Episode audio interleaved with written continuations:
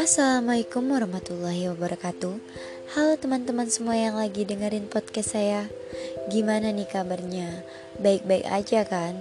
Semoga kita semua selalu dalam keadaan sehat ya Sebelumnya, perkenalkan, nama saya Waras Anjar Laraswati.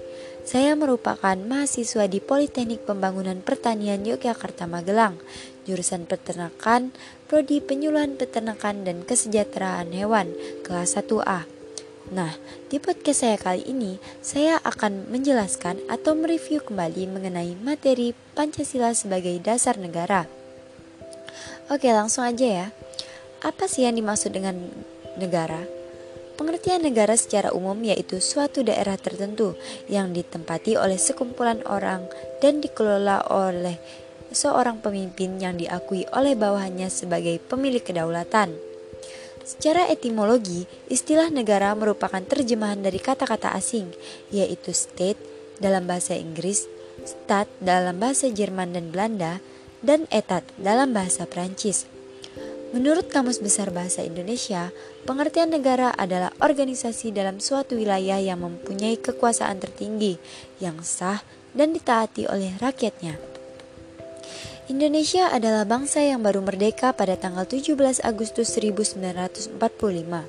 Saat proklamasi dibacakan, negara Indonesia belum terbentuk karena syarat kelengkapan negara belum semua terpenuhi.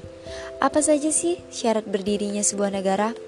Beberapa syarat berdirinya suatu negara, yang pertama memiliki wilayah, yang kedua memiliki struktur pemerintahan, yang ketiga diakui negara lain, dan yang keempat memiliki kelengkapan lain seperti undang-undang atau peraturan hukum. Di antara persyaratan tersebut, syarat utama yang belum terpenuhi adalah struktur pemerintahan dan pengakuan dari negara lain, karena pada saat proklamasi kemerdekaan Indonesia tidak mengundang secara resmi berbagai duta besar negara lain. Karena memang sebelum proklamasi pemerintahan, yang ada hanyalah pemerintahan Jepang yang menjajah Indonesia pada saat itu maka tugas pertama bangsa Indonesia adalah membentuk pemerintahan dan mendapatkan pengakuan dari negara-negara lain. Proses terbentuknya struktur pemerintahan NKRI adalah pengesahan Undang-Undang Dasar 1945 serta pemilihan presiden dan wakil presiden, pembentukan departemen dan pemerintahan daerah, pembentukan badan-badan negara, pembentukan kabinet, pembentukan berbagai partai politik, dan pembentukan Tentara Nasional Indonesia. Nama Pancasila berasal dari bahasa Sanskerta yang terdiri dari dua kata, yaitu panca yang berarti lima dan sila yang berarti prinsip atau asas. Hal itu berarti ada lima pedoman penting rakyat Indonesia dalam kehidupan berbangsa dan bernegara. Semua sila Pancasila merupakan suatu kesatuan yang utuh dan tidak dapat dilaksanakan secara terpisah-pisah karena Pancasila saling memiliki keterkaitan dari sila pertama sampai sila kelima. Makna Pancasila sebagai dasar negara tentu harus dipahami karena Pancasila merupakan salah satu elemen paling penting dalam negara kita ini.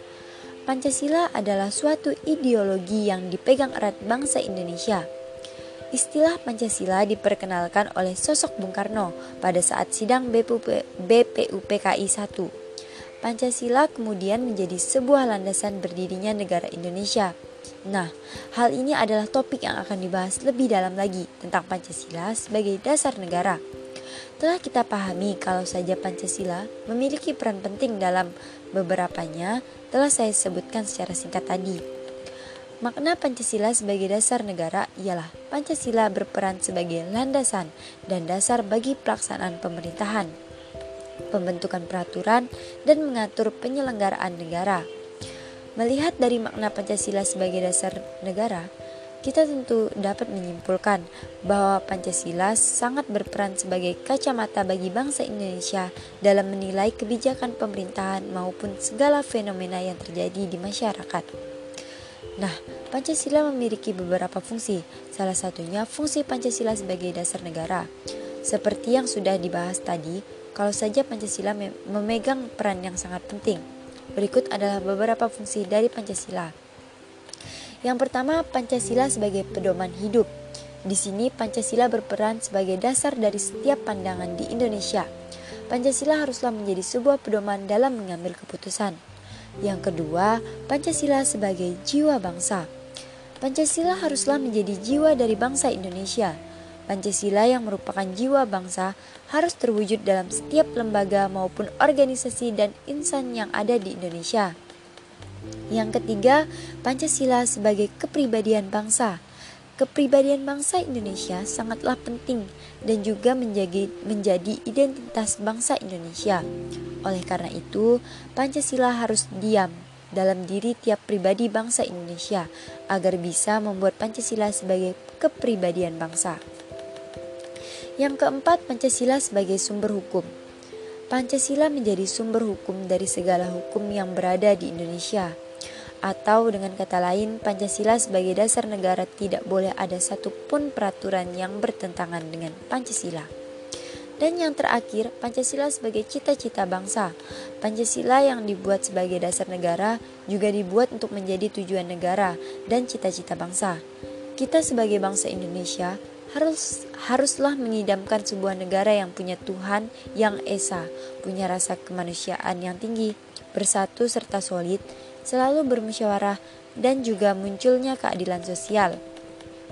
Pancasila sebagai dasar negara ditegaskan lagi, lagi dengan adanya ketetapan MPR nomor 18 garis miring MPR garis miring 1998 tentang pencabutan P4 dan penetapan tentang penegasan Pancasila sebagai dasar negara.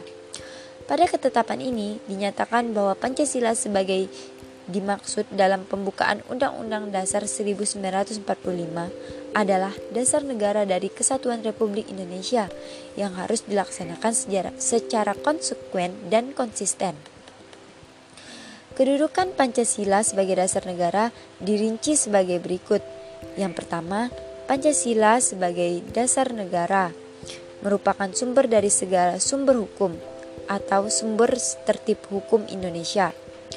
Merupakan asas kerohanian tertib hukum. Seperti yang termaktub dalam pembukaan Undang-Undang Dasar 1945 meliput yang kedua meliputi suasana kebatinan dan Undang-Undang Dasar 1945. Yang ketiga, mewujudkan cita-cita hukum bagi hukum dasar negara.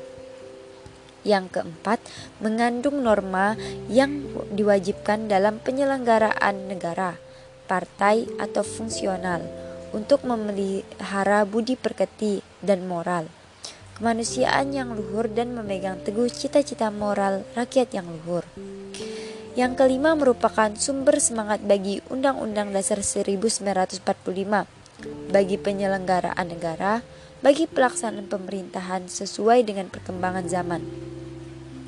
Dengan semangat yang bersumber dan asas kerohanian negara sebagai pandangan hidup bangsa, dinamika masyarakat dan negara menjadi seperti yang dicita-citakan oleh proklamasi. Mengingat bahwa Pancasila berkedudukan sebagai dasar negara, maka se maka seluruh kehidupan bernegara dan bermasyarakat yang terkait dengan hal-hal pokok kenegaraan di samping penyelenggaraan negara, semuanya harus sesuai dan dapat diatur berdasarkan Pancasila, di antaranya masalah politik, ekonomi, sosial budaya, hukum, pendidikan, dan lain-lain, termasuk juga hubungan antar rakyat kekuasaan serta pengus penguasa. Juga segenap peraturan perundangan yang dikeluarkan oleh pemerintah Republik Indonesia harus sejiwa dan dijiwai oleh Pancasila. Sedangkan isi maupun materinya tidak boleh menyimpang dari hakikat Pancasila sebagai dasar negara. Nah, selain itu ada juga kendala dan solusi. Yang pertama, peraturan yang dibuat tidak memperhatikan kepentingan rakyat yang bernilai keadilan atau filosofis, sah oleh lembaga berwenang, yuridis, dan dapat diterima karena sesuai kebutuhan masyarakat atau sosiologis. Perat, yang kedua, peraturan dapat diterapkan apabila ada lembaga penyelenggaraannya. Yang ketiga, Peraturan ditegakkan secara profesional oleh para hakim yang terpilih. Dan yang keempat, saran dan prasaran sarana dan prasarana harus memadai sehingga mendukung, mendukung penegakan hukum. Yang kelima, pelaksanaan peraturan harus memperhatikan keragaman dalam masyarakat, termasuk bahasa, budaya, agama, pendidikan, ekonomi, dan kesadaran hukum. Dan yang terakhir, keteladanan penyelenggaraan negara dalam penerapan Pancasila sebagai dasar negara.